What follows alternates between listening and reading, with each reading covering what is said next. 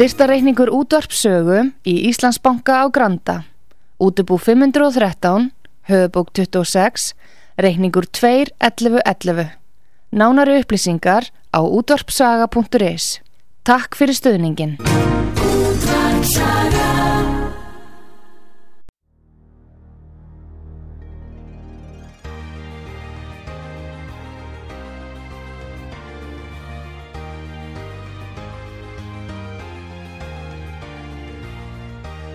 Heimsmálinn í umsjón Pétur Gunnlaugssonar. Fréttir og fréttatengt efni af Erlendum Vettvangi.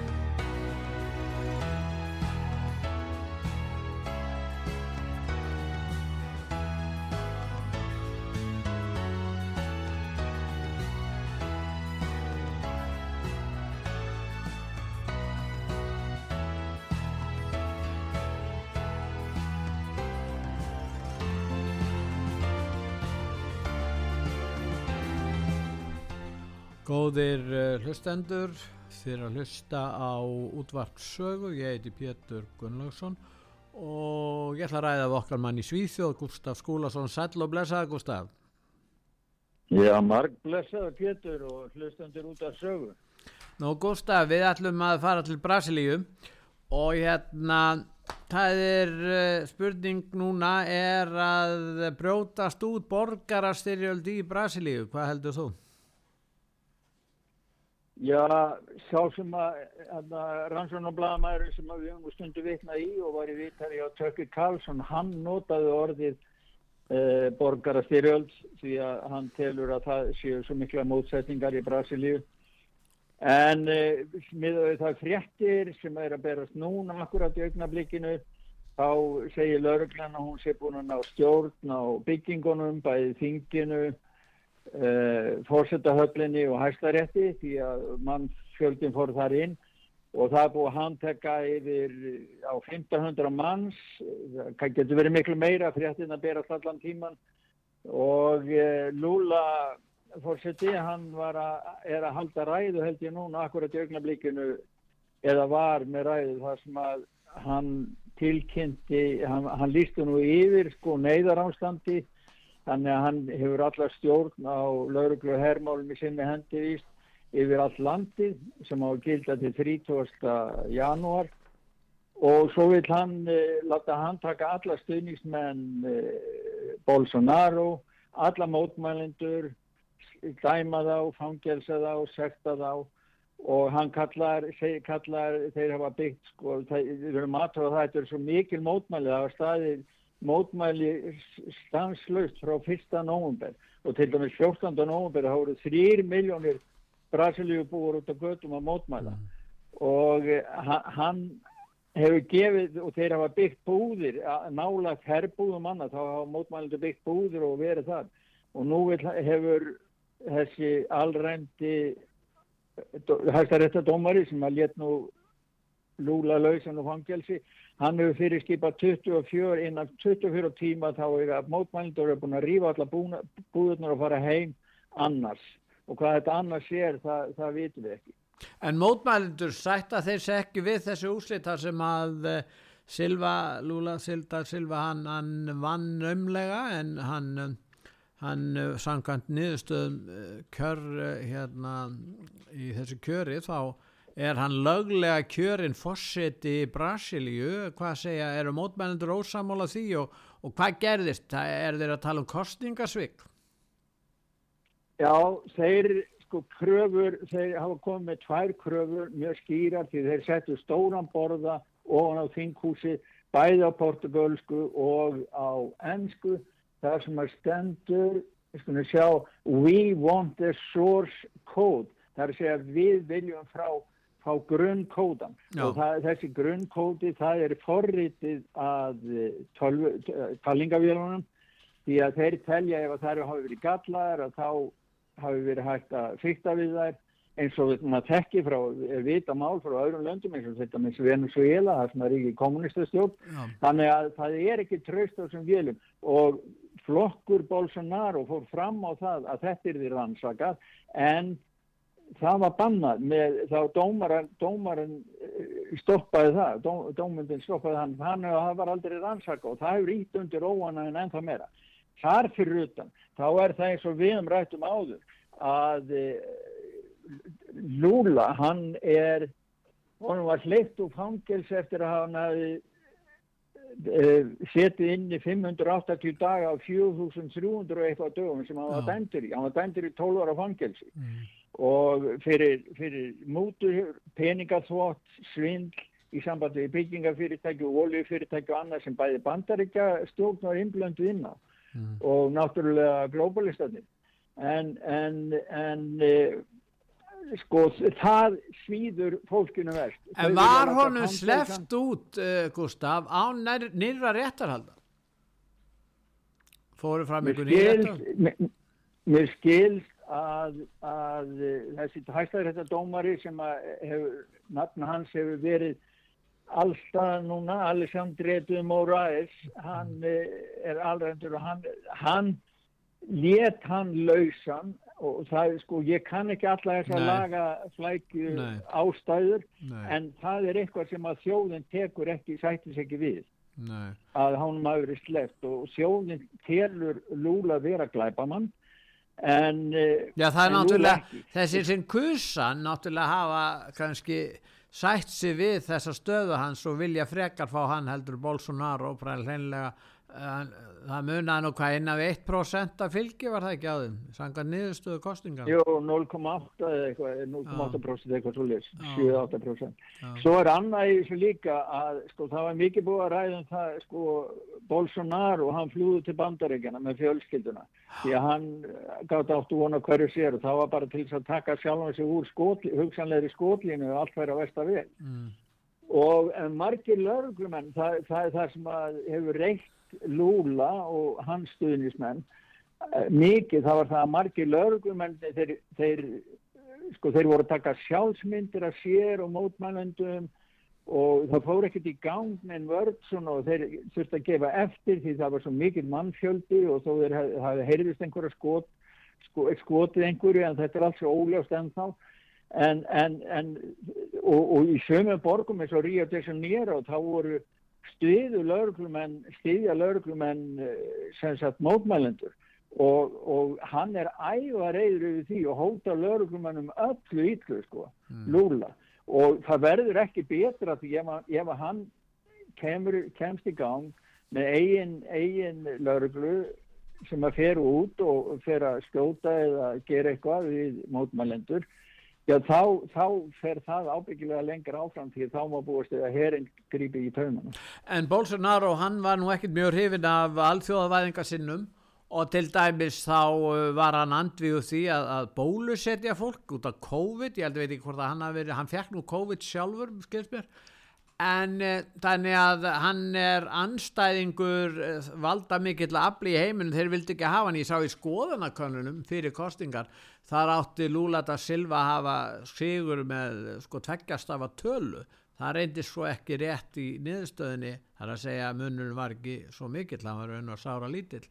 Þannig að, að það svona var ákveðin hreyfing í gangi að, að koma honum úr ennbætti Bolsonaro og hérna Já, náttúrulega globalistarnir er allir sem veit vildu fá hann burt bæði kynverki kommunistaflokkurum börnökunum, fórum og, og allir vildu fá hann burt og þar er auki þá var, er, voru mála undirbúningur á málaferðlum til þess að dæma hann, fá hann dæmtan fyrir samsæðiskenninga vegna þess að hann ráðlæði og mælti fyrir um, um meðali ívermertin í staðin fyrir bólefnum hann var ekki já, hann vildi leifa, leifa yfir mektir já, já, já. leifa, leifa það sko. þannig að hann var ekki alveg fullkominn svona halleluja blind trúandi á bólu mRNA bólefni eins og, eins og bóluefna risarni vilja. En það er aðtöklusvert Gustaf núna eftir að þetta gerist þessi mótmæli þá voru þjóða leitor um allan heim við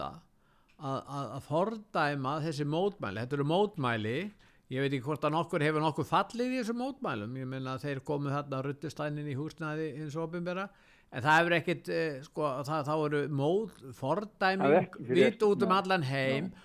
út af þessu máli í, í, í, í Brasilíu þar sem að e, þessi stjórn sem að, Lula stjórnin hún hefur alveg stjórnar alveg atbúrðar á sinni en þá eru það að segja að, að, að það er ekki neinn nein uppreysni af borgarastyrjöldi í gangi en enga síðu þá fordæma þessi ráðamenn við um heim. Þar á meðal Katrín Jakobsdóttir á Íslandi.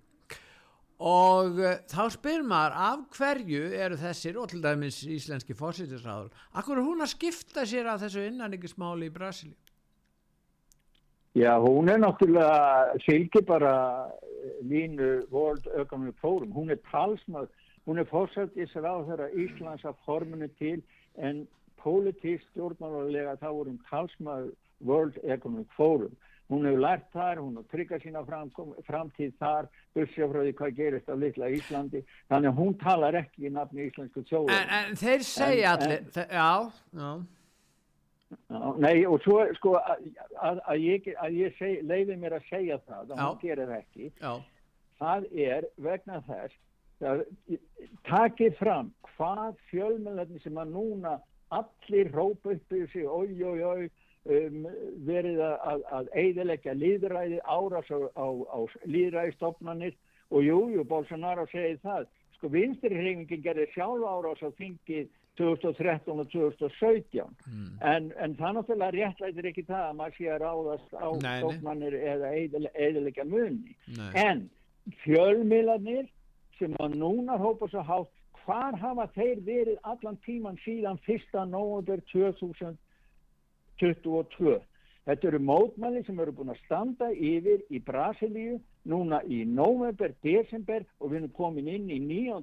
9. januar þegar mm. síður upp úr mm. og þeir hafa ekki sagt nei þeir hafa þetta móti verið að, að, að draga taun lúla í staðin fyrir að kynna sér rökin og óanæg og hvaða drivkraftar það eru sem að brasilíska sjóðin er að flytja fram og, og tala fyrir. Og þess vegna get ég sagt að þeir sem eru hissa núna, þeir geta bara sjálfur sér um kent og fjölmiðlan sem hafa verið að ljúa að bæði Íslandingum, svíjum og öðrum. En Gustaf, eh, fórsýttisráður Íslands og aðrir þessi ráðamenn og segja að líðræði sé í hættu. Nú þeir segja þá að það þeir bera virða þessi niðurstöð, það hún sé líki fyrir, það sé ekki tvinn, þeir vita náttúrulega ekki um þóta fyrir sig að þeir vilja leggja áherslu á það, gott og vel. En að samaskapi þá telja þeir Viktor Orbán sem er fósittisráð þeirra Ungverðlands og verið kosin í 16 ár með miklum yfirbörðum í öllum kostningum hvort það er Evrópukostningar, öllum kostningar Já. þeir hafa sagt, Já. hann er ekki líðræðslega kjörinn, segja ráðamenn. Og þar á meðal ég og, og, og, og þeir segja hans sé allræði sinni.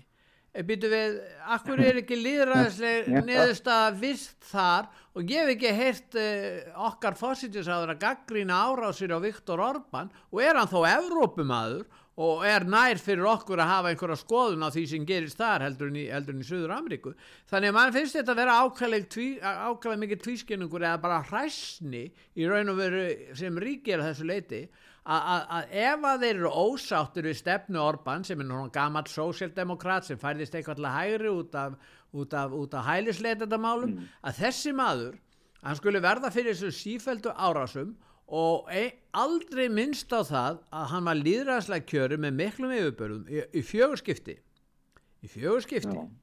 En, en þá er það ekki talað um það. Og, og, hérna, og þá segir, já hann hefur misnota fjölmiðlan og segir, já Orban hefur alltaf, byttu nú við, hvað með Katrínu Jakobsdóttir, hún er að fá 8% í skoðanakönnum, hvað notar hún rúf mikið? Heldur þú virkilega að nokkur stjórnmálamæður á Íslandi geti misnota fjölmiðla jafn mikið eins og fósittisráðurinn okkar? Og kemst upp með það svo, með sitt 8% að fylgi í könnunum, svo er hún að gaglina Viktor Orban, ég meina, uh, og, og, og, Já, og svo frammeðis og þetta er mjög góð þetta, þetta er mjög góð samlíking hjá þér Pjötur því að Viktor Orban hann, vit, hann fylgir sinni þjóðs hann hlustur á þjóðina alveg alveg svo Bolsonaro gerði. Bolsonaro, alveg svo Bolsonaro.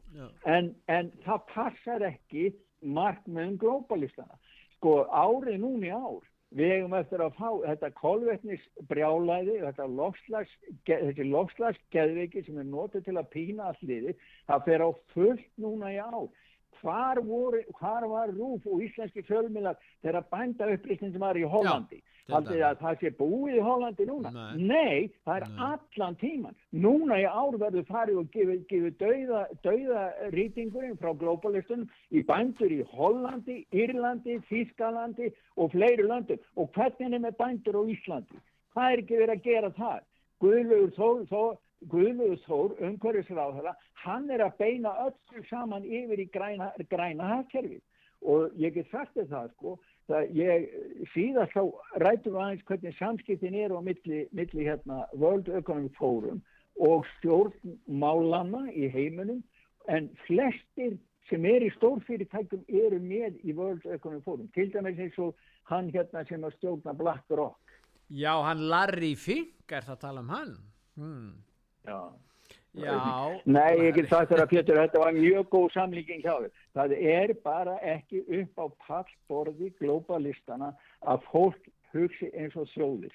Anna dæmi, Anna dæmi frá Pólandi, það átt að taka ja. Pólandi gegn. Þeir sagðu að þetta væri ekkert líðræðslega kjörið, þetta væri bara einhverjir hægri öfgamið sem stjórnuði Pólandi og þeir var að misnota réttarkerfið og með þess að dómarar hér og ymsir fór að skipta sér af þessu líka ég held að sko, það, það var komið svo langt síðan breytist það núna vegna þess að Póland stiður Úkræn og ger það mjög eh, af miklum krafti að þá var þeim fyrirgefið allt og þá allt í einu var líðræði orð svo vist í Pólandi, vissir það ekki skritið? Já, þetta, þetta, er, sko, þetta er bara eitt í dag og annar morgun. Já, ein, það fer eftir því hvað menn er að gera. Þetta verður ekkert með líðræðishagsmun að gera.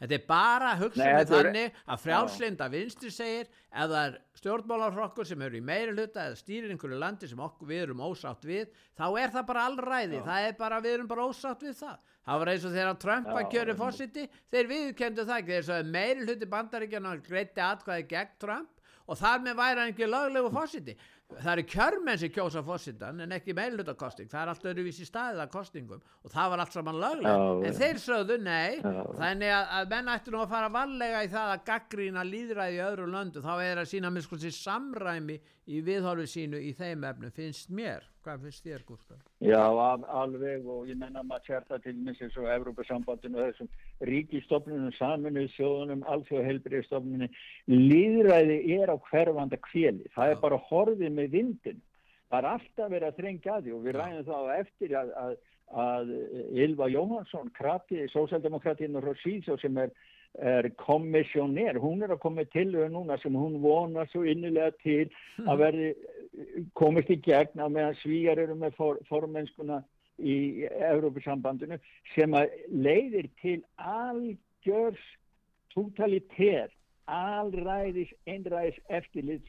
Það verður samin að allt leita kerfi hjá lauruglunni í öllum aðaldaríkjum Európa-sambansins sem maður náttúrulega, maður getur sagt út frá glæbamennsku, en mjög gott að maður getur unni ekki glæbamennum, en í höndum Európa-sambansins ef maður er að fara að eldast við haturs umræðu og finna samsæðist kenninga fólk og fólk sem er með hatusumræðu, fólk sem gaggrínir Európa-sambandi, fólk sem vil vinna með málfræðs og liðræði, Já. þá getur maður rétt ímynda sér, þetta verður sko, þetta verður Hitler í hundraðasta veldi sko. Þannig að Já. þetta fólk getur bara skamma sín, það á ekkert að vera einu svona minnast á liðræði sem gengur bara fyrir peningum og fláræði. Nú, uh, superrækamasjóðurinn eða vonasjóðurinn BlackRock það sem að Larry Fink stjórnar og ah. þeir stjórnar, ef við mun tala um 7 triljónir, aðeins segja 10 triljónir sem þeir hafa til rástöfunar í fjárfestingar, að það er einmitt grein á vefsíðun okkar um það að eh, BlackRock bjóð til alheims orkukreppuna og í raun og veru uh, stýrir geysila miklu í fjármála lífi heimsins, þeir eru og þeir eru náttúrulega hlindir, þeir eru náttúrulega einn undir staðan undir þessari alþjóðavæðingu. En Larry Fink, sem að kannski menn þekk ekki mjög mikið, þetta er sennilega sennilega er þetta valdamesti maður heims. Það getur vel verið að hægt væri Já, líklega. og hann, hann situr með í teiminu hjá World Economic Forum. Já, hann gerir það. Og, en hann sendi samstagsmannu sínu bref til þess að tala um Já. það og það sem hann kallaði á ennsku þetta væri Fundamental Reshaping of Finance eða grundvallar endurskoðun á fjármálakerfinu. Og það er það sem hann er að gera. Við, Ég byrti grein sko því að það er maður sem er mjög góð maður sem heitir Sjá, Fredrik William Engdahl bandarísku rítuðundur sem býr í Þýskalandi hann hefur skrifað fjöldabók og greina. Hann hefur kynnt sér mjög vel ákvarðanir, aðferðir og markmið globalistan að leggja undir sér allan heim Já. og eh, það er einn grein núna heima síðu sögu einmitt um hlut Black Rocks í fjárfæstingafélaginu í því að koma af stað þeirri orkukreppi sem nú hrjáir allan heimin og það er líst, hann lýsir því mjög vel þarna og flestir, sko, flestir fjölmjölu segja þetta er allt Putin að kenna og NATO segir þetta er allt Putin að kenna. En þetta var komið í gang löngu, löngu áður. Og hann lýsir þessu við erum með smá hljópið Já, við skulum að hlusta á Engdahl hann er á þessum hljóput Já, já. Östu þann BlackRock is today the world's largest private investment firm. They manage as of January 22 they manage some 10 trillion, not billion, $10 trillion of assets of other people's money, the largest such uh, operation in the world. ESG is short for environmental, social, and governance. Uh, three factors that are, are supposed to play a part in the Agenda 2030 United Nations Sustainable Economy scenarios this is a really diabolical uh, invention. It's, it's, a Wall Street invention. It's been around for several years. Uh, uh, Morgan Stanley and J.P. Morgan Chase and others created, you know, various groups to promote ESG investing. But the Já, þarna er hann að tala um þetta sér stæðið. Please leave him. Ha, ertu þarna, Gustaf? Já, halló, þeir að hlusta á útvart sögu, ég er að tala um Gustaf Skúlason í Svíþjóð. Gustaf, ert á línni en þið voru að hlusta á hljóðbút með honum Engdahl sem er rittöfundur uh, sem er að fjalla um uh, BlackRock uh, fjárfestingasjóðin sem er svo stæst í heimi. Já, Já ertu þarna Gustaf? Já, ég kom, ég dætti aðeins út, þá skeiði eitthvað hérna, ég veit ekki hvað það var. Já, BlackRock hlustað á okkur, sko. Já, allir það ekki, sko. en hérna, en, Nei, en hann er að segja sko... þetta, þessi engdala, þessi stæðst og þessi tíu triljón, þeir, þeir eru með ráðstöfuna tíu triljónir, þetta er, mm. og hann, þeir eru að tala um það að þetta var lengi verið í undirbúningi, þessi, þessi, hérna, stefna í fjárfestingamálu sem er breyting, sérstaklega var þetta umhverjusmálinn. Já og hann lýsir því sko að þeir eru nú þegar, þeir eru að hafa sett í gang fjársvelti í ólju og gasgeiranum. Þannig að þeir eru hættir að fjárfesta og þeir beina, þeir eru konið með þetta kerfi sem hann myndist á, ESG kerfi, Environmental Social Governance eða svona e, samfélagslega stýrt umhverfis stjórnun á fjárfestingum. þannig að þeir hafa total control algjört eftirlit með þessu og öðrum er ekki hleyft að ef þú ert, fjárfestir ekki í samkant þessu þá, sko, þá fær, er verður þér refsað á annan hátt þannig þetta er allt saman gengur inn í heilda áætlun um það sem að kólefnis eh, og verð á kólefnislósun er notað og lofslags eh, svipan er notið til að ná fullkominu stjórn á efnagslífunu og hver er eiga að fá að vera með og hver er ekki. Þetta er mjög, mjög, hvað ég að segja, óhug, óhugnanlegt. Þetta er, sko, maður hefur trúað þessu og það verður alltaf erfiður og erfiður eftir því sem að meiri upplýsingar koma að trúa því að þetta skulle hafa verið skipilátt og hvaða menn eru harðsvíraði bóvar, samviskuleysir og, og, og jáfnveg tilbúinur að drepa fleiri manns til þess að ná sínu markmenn. En ég hvet alla til að fara inn og heima síðu sögu og kynna sér þetta. Þetta er mjög góð greina eftir hann. Nú, Kína er að gera ákveðna tilröðinni núna að sleppa erðabreittu moskítoflögum út í nátt náttúruna e, þetta er að sko, einlega, þetta hljómar eins og að þessi að, að tala um að eða vilja að, að mýflugur dreifi þessum, þessum efnum Já, þetta, er, sko, þetta minnur nú svolítið á með veiruna, sko, COVID-veiruna, þegar að bandaríkjaman sögðu að þeir eru verið að gera tilrunir með því að, að láta leðublöku dreifa, dreifa bólefnum. Sko, þetta er svo geðvikislegt þeir, þeir segja það að þeir, að, að þeir eru að, að setja, þeir hafa sett saman einhverja tvær veikisveirur bú, sem er alltaf búið til bólefni úr og setja, þeir í mýflugur sem eiga síðan að fara og síðan á þetta, það sem þeir sé að sé bólefni sem er náttúrulega bara eitri á að smitast í dýr og, og annað.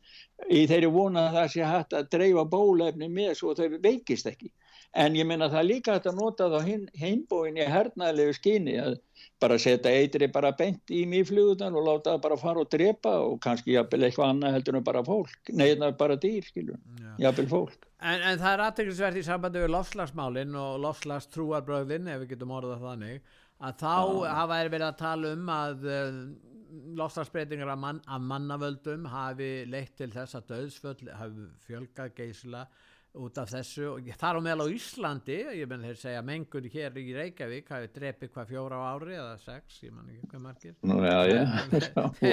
ég veit ekki hvernig þeir sanna það. En, en nú er að koma í ljós í raun og vera lofslagstengt döðsvöld eru þau fæstu frá upphafi síðustu mælinga í 100 ára eða lengur. 99,4% Já, það er, sko, það, það er minni 99,4% minni líkur á að deyja í lofslags Af lofslagstengdum hamförum uh, heldur en fyrir 100 árið síðan árið 1920 sko. þá voru, voru lof, lofslagstengd döðsföll það eru svona flóð, þurkar, stormar skóvereldar, hárhíti og allt þetta. Mm. þá voru næstu hálf miljón mann sem letu lífið í svolítið samförum 1920 sko. núna er þetta komið langt þetta komið svona 20-30 úrsend sínist mér á grafinu sko. þannig að sko, að, að halda því fram sko, af hverju má ekki hafa þetta í huga líka þegar við erum að ræða loftslag og svona Já. óveður og annað og dána, dánatilvík sem verða, af hverju má ekki ræða þessa þróun, sem er þess að jákvæðu þróun Já. nei, hún skal jörðuð, það má ekkert segja það heldur við vera nú á fólki um nasir allan tíman að jörðin sé að farast Já. og að gera liðið hálf, hálf taugavikla og, og það sé engi morgundagurinn nema maður bara segja já og amen og, og gera það sem að glópalistan er Já, nú geta menn ekki eins og uh, hérna farið í almeinlega jarðafarir þetta, nú á einlega grænar jarðafarir, þeir gera þetta í bandaríkjunum. New York fylki var einlega þetta. Það, það má ekki lengur brenna líka eða jarðaðu bara með hefbundum hætti. Nú og fara að taka nýja stefni í þeim málum, segja okkur frá því Já, nei, það er, maður bara veit ekki, það er, New York er sjötta ríkið í, bandaríkjum sem tekir upp þessar svo köllu græna jarðafari.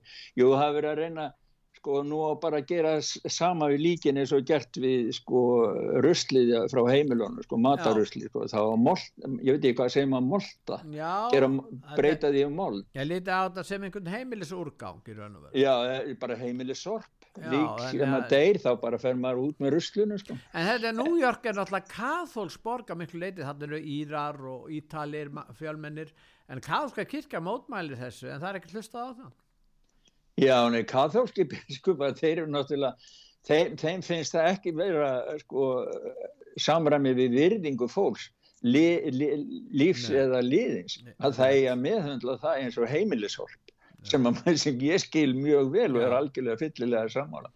En eh, vókstefnan og rétt trú, eh, trúabræðastefnan lofslags trúabræðastefnan og kólefnisbrjálaði það, það á fleiri fylg, á svona marga fylgin en það er alls konar eh, svona mm, sjónamið sem hafa verið í gangi sem að hafa ekki reynst rétt eins og þetta að raukt kjöt sé sérstaklega hættulegt. Það er búið að halda þessu fram hansi lengi Já, það var nú ný, sko bandarískir helsufræðinga, þeir fóru rannsökuðu, fóru gegnum áratuga rannsóknir á rauðu kjötu aftur og bakk og hvaða áhrifu það hefur í raun og veru á helsuna.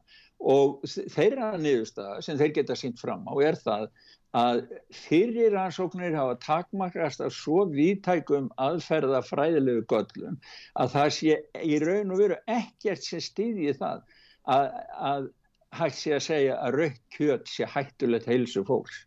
Það var nú lengi talað um það sko að það myndi valda krabba, hjart og æðarsjúkdómum, heilablófall og krabba minni en, en það er ekki neitt sannanlegt, búið að sanna neitt orsaka samhengi. Nei. Náttúrulega ef bara raukt kjöt reyfir þið lítið og reykið þá náttúrulega kannski hefur það einhver áhrif.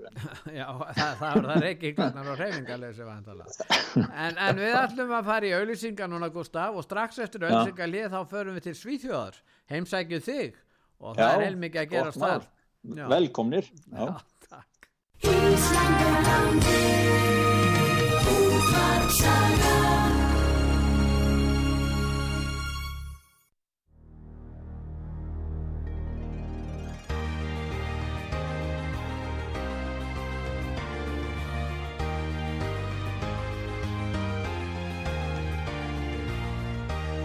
Heimsmálinn í umsjón Pétur Gunnlaugssonar. Fréttir og fréttatengt efni af Erlendum Vettvangi.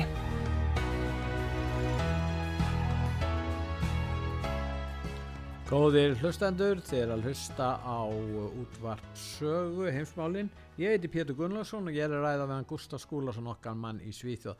Nú Svíjarnir er að rannsaka svona uh, viðhorf þeirra sem horfa á sænska sjómarfið og hva, yfir svona, hvað veldur mestum kvíða hjá þeim og, og þeir halda því fram að það sé ekki menn hafi ekki kvíð út af fjárhagsínum eða, eða hækkandi orkuverði eða skotárosum heldur fyrst og fremst uh, hvað uh, lofslagsbreyting lofslaginu, já, já. og kreppana í heimilum, þeir segja nýju hver, á hverjum tíu sem hafa áhyggjur á lofslaginu, hafa breytið um lífstíl Já. og einn sagði það að það líti út fyrir að jörðin hafi fengið ólæknandi krabba minn. Að vera að ræða við fólk, já það er eins og þú segir sko, segir það er líka eitthvað að vera að bera saman í sambandi við skotára og, og glæpa mennskuna innanlands. En samkvæmt sjónvarpinu þeir full, fullir að það úkrænustri og lofslagsváum valdi meira áhugjum en skotára og, og peningamálin.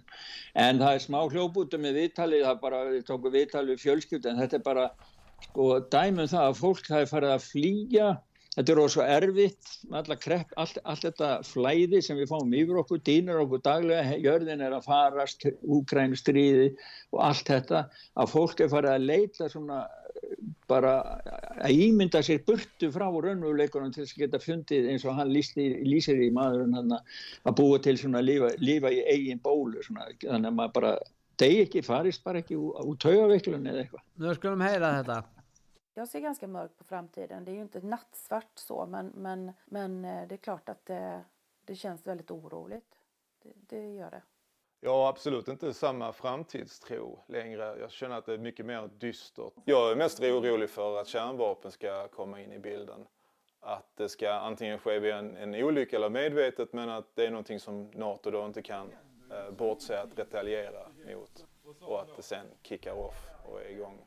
Mina tankar kring eh, klimatfrågan är ju att eh, det känns som att jorden har fått någon typ av obotlig cancer i det att man oroar sig för sina barns framtid. Inte så mycket för min egen generation kanske, men att det som komma ska. Ja. Hvað finnst, hvað, hvað, hvað er hann? Nei, hann var að segja að hann væri órólegur fyrir framtíð barnana og hann væri mest og, og hefði mestar áhyggjur af því að það er kjarnálfustur í sagan og, og e, mann ekki alveg hvað hún sagði en var, þau, þetta var sjómafri var heima hjá þeim, þetta voru hjón og þau, sko, þau lístu líka að þannig að þau reynda að finna eitthvað með börnunum að gera eitthvað, að lesa sögu, horfa bíómyndi eða gera eitthvað bara til þess að dreyma sig frá þessum kalda raunveruleika og þessum stöðuga áróður sem að dýnur á, á okkur okkur með einasta degi frá stóru æsingafjölminum. Já, en það er aðdeglisvert sem að, að, að fræðumæðu sænska Vestlunarháskólan segir að sjálfstað hugsun verður sífælt þýðingar minni í nútímanum. Já. Þetta er náttúrulega, þetta er nú ágætt grein, við getum farið inn á vefsíðun út af saga.is og séð þetta. Þetta, þetta, er, þetta er eitthvað sem menn ætti að taka eftir. Já, hann var, hann, sko, hann var að gera, hann held fyrirlestur, sko þetta er tveikja ára gammalt fyrirlestur, fræðum að Mats Alvis, svona sænskur hérna, en uh, hann, hann er að vara við hvernig sjálfstæði hugsun uh, úrkynjast stöður og uh, hann sagði það sko, já það er skilt að það er sem að sko fólk felgi bara einhverjum öðrum. Og hann sagði að já það voru alltaf lægi að vera heimskur því allir aðrir eru það. Og, og, og, og manni verður ekki drefsa fyrir það, maður gerir bara eins og aðrir. En hins vegar þá sagði hann það að það geti jafnvel verið jákvægt og aukið aga á vinnustöðum því að þar var kannski störf einhæfið annað og allir ætti bara að segja já og amen og gera, gera á eitt hlut.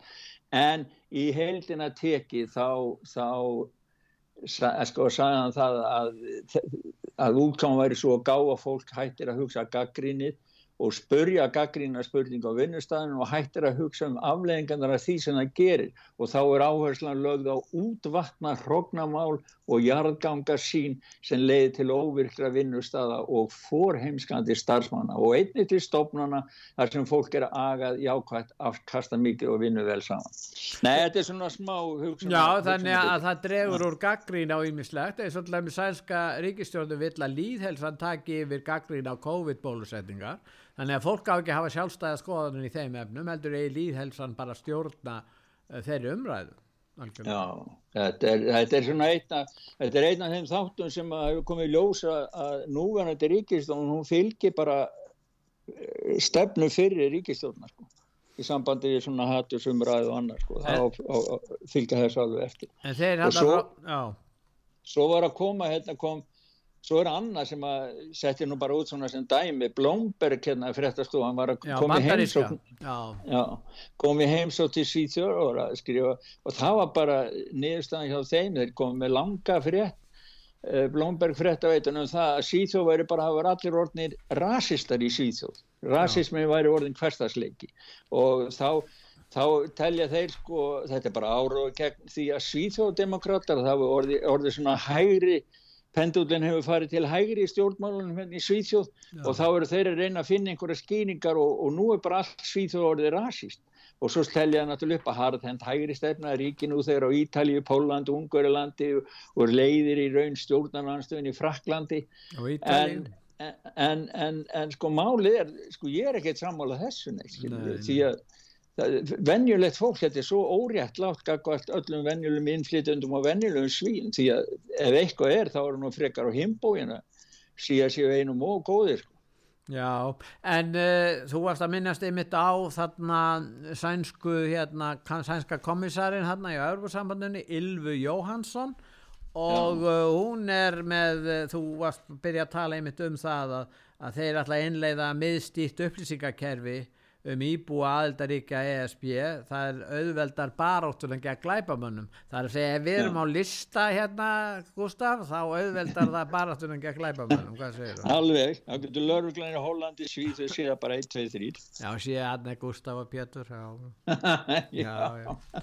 En hefum við að smá hljóputu med henni? Já, heyrum í henni Det ska bli lättare för polismyndigheter i olika EU-länder att söka i varandras register Det är innebörden av ett förslag som kommissionär Ylva Johansson lagt fram Polisen behöver blixtsnabbt information om ifall den här personen, den här bilen finns i andra polisregister runt om i EU. Och därför har jag föreslagit ett nytt system så att man omedelbart kan få svar på om det finns en träff för den här uppgiften i ett annat polisregister i EU. Sko ég, já, hún, var að segja, hún bara lýsa því sko að, að það á að vera þannig að lauruglan einu landi er að leita einhverju personu, fingrafari, DNA eða, eða bílum eða eitthvað og fer bara, þá verður bara einn miðstýrur upplýsingabanki frá öllum lauruglunum í öllum 27 aldaríkjum Európa-sambansins og það má náttúrulega út frá sjónum með lauruglunar bara til glæpa menn þá er þetta náttúrulega mjög jákvæð sko. En í, á hinbúinn Halló. Já, halló, Heyr, heyrist í mér? Nei, nei, allt er læg, allt er læg, við heyrum nú. Já, já, bara, nei, á heimbóin, sko, þá, þá í raungum höndum, þá eins og ég sagði á þann, sko, með hatusumræðu, samsæriskenningar og allt það, eins og þetta geðviki sem alþjóða, alþjóða, hérna, heilbriðismála stofnunin auðlýsingi sem er sett út, það sem bara allir sem að kakrína bólefnin eru bara, eru bara terroristar, sko. Já. Já, já. alveg skjálfilegt já, já, það er en eh, já, það er nú svo að, þetta er eitthvað sem að eh, sko, þeir, þeir eru kannski svolítið hryfnir af því sem er að gerast í Kína. Þeir fylgjast mjög vel grænt með fólki þar. Já. En Ungveriland við, ná, við tölum um Ungveriland áðan en nú eru þeir að afnema tekjuskatt ungra maðra sko, það er alltaf verið að hækka skatt uh, hækka skatta í Evrópu. Það er, látið heita ymsu nöfnum hérna á Íslandi verða vantalega vegatollar og, og eitthvað því er litt grænir skattar, þú kannast við þetta. Já, en í Ungverðarlandi þá er þeir að lækka skatta. Hvernig stendur það því, hvernig getur það það? Já, nei, þeir eru með sko þeir, já, þeir gera þetta þetta er bara þeirra fjölskyldu stefna. Orban lístiðun einhvern tíma nýður að hann veitir frekara Ungverða eignust eigin börn heldur hann að vera að flytja að fylla landi með, með og, og e, þeir hafa gert alvöru úr því, þeir eru með skattalækani til dæmis, ég man ekki hvort að það var fjölskyldegnast þrjú börn, hvort að falla nýður e, lán sem að ríkja við veittum var alls konar svona efnarslegi stuðningur og núna var sem sagt e, eitt að koma til viðbóta það, það að unga mæður uh, sem hafa atvinnutekir það er njóta skattfrelsis. Já Já. Þannig að sko þetta, þetta er nú svona fjölskyldu hjálp sem að, sem að döga, heiti döga sko. Já, já. Að, en, en, en það sem ekki verið, það sem að fólki er umbunað og það er náttúrulega vita allir sem eru með fjölskyldu og ég hafa börn og ég hafa verið með fjölskyldu, það er bæði tímafrekt og það er kostnæðarsamt, það er mikil kostnæðar í kringum þetta og það er oft líka á þeim svipun tíma þegar fólk er líka eignast fyrsta húsna eða annað sko. Þannig að hérna fær hann bara eina eina rós í nappagatið Já, það er nú einmitt smál sem við þurfum að taka fyrir. Ef ekki bara skell okkur til eh, hérna ef, til hérna að ræða förum að ræða stríðið í, í Ukrænu og, Ukræn, og, og eh, Stoltenberg hann var að við öðru heimskipulagi. Hann er að tala um að Rúsland og Kína sé ebla samstarfið sem er nú kannski já. ekki alveg rétt. Það er ekki vísk hvað kýverði alltaf ganga langt en hann sendi meira vopnum til Ukrænu Og... Já, hann, það var rástefna hérna, NATO rástefna hérna með sænska hernum hérna í Selen núna í síðustu viku Já. og það mættu allir helst uh, ráðamenn NATO og, og herstjó, herfóringjar og annað og þar, var, þar lísti nú Öl Kristisson því yfir voðalega ána ef, ef það er stríð við Úsland að þá myndur nú svíjar verða í fremst að fara brottið þar og hjálpa öðnum löndum hérna á Norðurlöndum til þess að berjast við rúsana beint. Þannig að sko það, það, það er alveg sama hvert maður lít, lítur hérna vestramegin, hérna megin, það er ekki til friður í spílunum. En hann útskýrir á sinnhátt hvernig NATO skilgreinir frið. Við skulum hlusta á hann. Ingen vet hvordan denne krigen slutter. Kriger er i sin natur uforutsigbare. Eh, og eh, vi må være forberedt på at krigen kan eh, vare lenge. Men denne krigen vil, som de fleste andre kriger, mest sannsynlig ende ved et forhandlingsbord. Og det vi vet, er at det som skjer ved det forhandlingsbordet, det er helt avhengig av styrken på slagmarken. Så dersom vi vil ha en fremforhandlet, fredelig løsning, så må vi støtte Ukraina. Måten å trygge at Ukraina kan fortsette være en, en, en selvstendig demokratisk nasjon i Europa, er å støtte dem. Og Derfor er det slik at våpen er veien til fred. Det kan høres brutalt ut, men realiteten er at det er Ukrainas militære styrke på slagmarken som avgjør hva de kan oppnå i forhandlinger rundt et forhandlingsbord. Gustav, er, er våpnene leið til fredar? Ja, og það er það sem hann segir, þó uh, kannski hljómi brútalt, Já. þá eru vopnin leiðin til fríða, segir hann. Já. Því að hann segir, engin veit hvert þetta stríð fer, Nei. hvaða ke kemur til með að krefast mikið, mm. en allir vita að einhver tíman enda stríð og þau enda við samningaborðið og þá er það staðan á vývvellinum sem ræður hvaða samning næst, hvaða samningi maður nær við sagt, fríðaborðið og þess vegna til þess að Úgræna fari nú ekki ítla út úr þessu þá verður að dæla inn meiri vopnum Úgrænu og helst náttúrulega bara sigra rúsa sko. Og til þess að það sé hægt að, að gera þetta markmið sem hann segir að Úgræna verði áfram líraðsíki í Evrópu. En ég spyr mig bara eh, hvað er margir, er einhverja lámas kröður um það hvað er margir Úgrænumenn er að vera eftir í landinu? Því ef þetta fer úr böndunum þá, minna, þá er þurfum við ekkert að vera að ræða um Úkrænu neitt frekar heldur en bara önnu lönd hérna í heimunum yfirleitt sko. En uh, það var gert ráð fyrir því og það var markmið Vesturlanda að ná árangri með refsiaðgerðum. Nú halda því margir fram meðal hans hollenski hérna, stjórnmálamæðurinn Guy Verhofstadt og, og fleiri, þeir segja að refsagarnar gangi ekki bara illa heldur skila engu í raun og veru og ef að refsagarnar skila engu þá er meira hætta á að vopnuð átök verði erfiðari og haldi svo áfram. Já, já, hann sagði það, hann er alveg öskvillur því hann sagði það, hann vitnaði í þessi, þessi hollenski sem er nú reynda að freka, hann myndi nú vera flokkar sem svona frjálslindur til vinstri, hann, hann, hann gæ í Hollandi. Já, Já. hann er mikill Evrópur sinni og alþjóðavæðinga sinni líka. En hann er náttúrulega sko því að verðmæti sko rússar fá meiri peninga inn fyrir sinn útflutningi dag heldur en að þeir gerðu áður en að þeir réðast inn í Rúsland Já. og áður en allar þessa, þessa efnaðstinganir og það náttúrulega fólk getur þá náttúrulega spurt sér hvernig stendur á því? Það búið að vera með alls konar refsaðgerðir, viðskiptaþinganir og ég veit ekki hvað en samt sem áður þá græð, græða rúsa meira og þannig að hann sæði að, að þetta væri algjörlega missefnar, missefnar og hann var svo reyður vegna þess að það var verið að byrta frá sem sagt e, Eurostat byrti í, í pólitíku, fjölmjölunum pólitíkunum graf yfir stöðu allra landa og breytingu á viðskiptum við Rúsland sem sína það svart á hvítu að þetta er alveg rétt sem hann er að segja. Rúsland hefur aukið fær aukna peninga fyrir þetta heldur en, heldur en áður. En ef refsaðgerðnar skila litlum árangri þá er ekkit annað heldur en áframhaldandi stríð. Já. Ég meina, rúsarnir hérna, eh, hann segir þetta og í raun og veru uh, og rúsarnir ef þeir geta haldið svona samstarfi við já, Asjúríkin og alltaf ríki sem þeir eru samstarfi við þá þá verða menn að hugsa þetta að, með nýjum hætti vantarlega nema þeir allar eina að herða refsaðgerðinu, mér skilst að geta er eitthvað herrtæri aðgerði frekar. Já, það er, það er stóra spurningin, hvað er að grípa til? Þeir eru búin að loka á allt eiginlega frá, frá rúsum, sko, þeir eru búin að stoppa gasi og, og, en það kemur tilbaka til þeirra í, það fer samt sem á til þeirra því að því að þeir eru svo háði gasin. Eða þeir geta kæfta ódýr frá Tyrklandi, þeir eru búið að blanda rúsnarsku gasi, gas frá öðrum En, en viðskipti við, við, við rússana hafa færst í aukana jafnvel?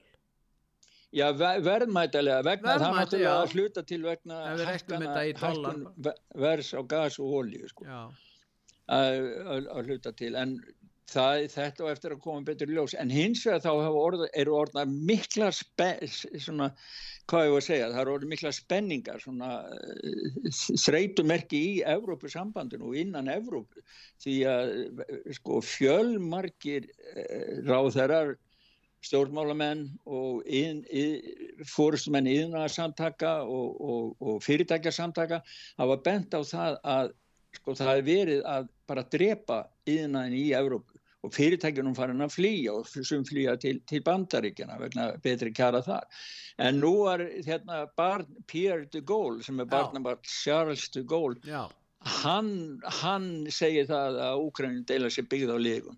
Hann fullir þér það að bandaríkinn séu að leika mjög lævísan leik sem miða því að rjúa tengsli millir Evróp og Rúslands og í raun og öru sé Úkrænu stríði ekkit annað en efnahags styrjöld. Og, eh, til að talar... slíta tengsl Evrópu við Rúsland. Já, til að slíta tengsl. Og hann segir að samkvæmt honum þá hefur Európa-sambandið glata sambandi með raunuleikan hann telur að Európa-samband Európa lifi í heimsmyndi lega sem bandarikin hafa skipulagt. Og segir samt að alminnsálit í Fraklandi sé verið að skilja að þetta er svona. Og e, þeim hafi tekist NATO, bandarikimenn hafi tekist að grípa til líka í samskiptu við bandamenn NATO og þá hefum tekist að nota úgrænum kreppinu til að koma Evrópu úr jafnvægi. Og það er sko, bussir frá því hvort að mann er sammála þessari skilgrinningu ekki, þá er Evrópa komin úr jafnvægi, það er alveg staðin Já, en uh, við sko áður við ljúku þessu þá verðum við að fara til bandaríkjana og þar hefur átt sér stað einkennileg átök Já. í bandaríska þinginu þeim tókst republikonum að velja mann til þess að stýra Uh, fulltrúadeildinni fyrir republikana, hann er fórsiti þingsins, Kevin McCarthy sem að reyndar mm. mér byggust við að myndi nástrax kjöri en það tókst í 15. tilraun eftir að Trump rætti við uh, republikanana hann er sagður hafa haft áhrif en sumir segja að þessi Kevin McCarthy sé svona hrifin af World Economic Forum, veistu hvað er það? Já, já, hann er, sko, hann er á þeirra heimasíðu sko og hefur fleiri, fleiri tengslið þá já. og, og eh, við skulum sjá, hann var með þeim í Davos 2018 þegar sko og var í, í eh, sem sagt, í pattbólsumræð. Hann er tækifæri sinni, það viðurkjæra það allir, hann var einustu með Trump, hann var á móti hann, Trump, hann skiptir um lit eftir því hvað hendar hverju sinni eins og núna í þessum samninga viðræðum hans við þess að íhalsum þingmenn hann. Já og, það, já og það sem er sko er líka að, að hardlínu menninir í republikafloknum sko já. þeir áttu mjög erfitt með að setja sér við að hann, hann hefði samþýgt uh, þessa gífulega, gífulega sko yfir eina trilljón dollara sko. 1,7 trilljón síðast, síðasti pakkin já, já pakki demokrata sko. Og ég menna þannig að sko og svo er annað líka í þessu, það er, það er spurningun um stuðningin við stríði í Úgrænu vegna þess að það er, er hópur republikana sem eru með félagskap sem eru svona harlínu hópur og þeir vilja al, absolutt hætta öllum stuðningi við Úgrænu sko. þeir vilja ekkert að bandarækja menn síðan þannig að það er, það er, það er barist á öllum öllum vikstöðum það var, eigum að heyra hvernig það var þegar hann náði í gegn 15. tilraunin Við skulum heyra í Kevin McCarthy, já Was agree in their tallies that the total number of votes cast is 428, of which the Honorable Kevin McCarthy of the state of California has received 216.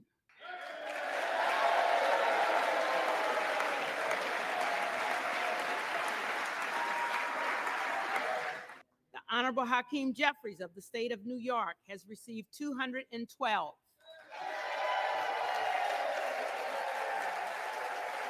with six recorded as present.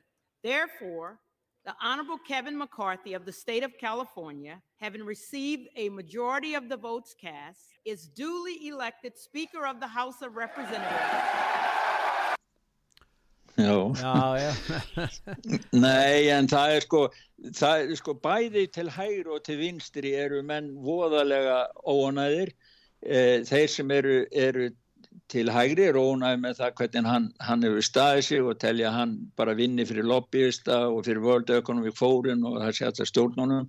Á meðan, meðan hinn eru vola þeir sem eru vinstri eru vola ónaði með það því að, að því að það greiti, það hefði raun og verið styrst að hafa held ég 218 þannig að það eru nokkri sem lögðu nýður aðkvæði þannig að ef að hann stendur sig ekki gagvart eh, republikanafloknum og harlínu fólkinu þá geta hvena sem er krafist nýra, nýra kostninga um fórsetta þingsins og sparka honum út Bæten læraði þessu öllu. Hann, bæten, bæten nýtur góðs af þessari upplöst innan republikanaflokksins það er nokkuð ljúst Já, Biden, hann er nú ég veit ekki hvað hann er búin að vera mjög heppin í raun og veru þó hann sé óvinnsæl það var eins og hann eh, sleppi fyrir hot en nú skulum við hlusta á lag sem þú valdir með Rolf Wikström ég Já, held að ég verði Rolf Wikström er ver, verðlunaður sænskur tónlistamæður hann er nú svona á, á mínum aldri skilur uh, blúsari og hann er að syngja hérna hann er að syngja lag. Það sem hann segi ég held ég sé að verða gjörsamlega galinn og gerir kannski einhverja vittleysu það er ekki tilnætt örygginni ást, tröstið og trúin brást. Tekir af mér lífið og framtíðin ég verða að lifa eins og ég gerði áður. Ég ætla að gera það skugga minn og halda förin áfram þegar dagur árlar ís. Já, hann er svolítið norra, norræna þunglindi byrtist þetta með afgerandi þætt Kjölega en það er gott blús hjá hann Já, við, skulum bara heyra lægi með honum. Þakka ég fyrir Gustaf Já, þakka ég fyrir Pétur og bestu hverja til Íslands. Takk, takk, bless. Jag tror jag kommer bli galen Eller att jag